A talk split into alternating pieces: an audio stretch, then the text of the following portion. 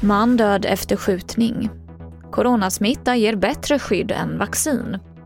Och hundratusentals fortfarande utan el efter orkanen Ida i USA. TV4-nyheterna börjar med att en man är död och en vårdas på sjukhus med livshotande skador efter skjutningen i Hjulsta i nordvästra Stockholm i natt. Vi har vår reporter Jessica Josefsson. De uppgifter som jag har gör gällande att den personen som nu har eh, avlidit eh, till följd av skadorna från skottlossningen igår, han är 26-årsåldern.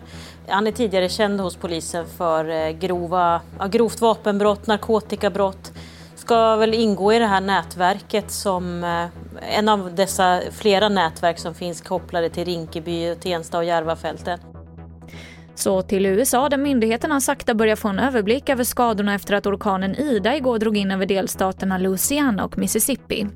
Fortfarande så saknar staden New Orleans helt ström. I Louisiana så är det över 800 000 hushåll som är utan ström och invånarna uppmanas fortsatt att stanna hemma.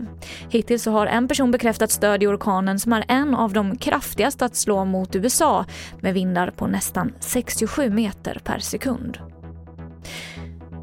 Att tidigare ha varit smittad med coronaviruset ger ett bättre skydd mot att få sjukdomen än att vara vaccinerad med två doser.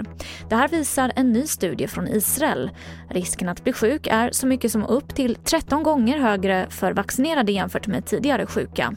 Och studien visar också att skyddet för tidigare sjuka blir ännu bättre av att också ta vaccin. Saken är att idag vet vi inte hur länge skyddet sitter kvar av en naturlig infektion.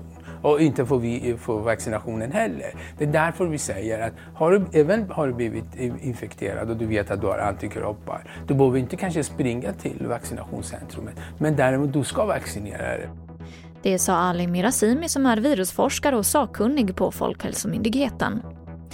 Och vi avslutar med att skytten Filip Jönsson tagit Sveriges första medalj i Paralympics i Tokyo. Han stod för en stark insats med stabilt skytte under hela finalen. Och det här ledde hela vägen till en guldmedalj. Och det här var det senaste från TV4 Nyheterna. Jag heter Emily Olsson.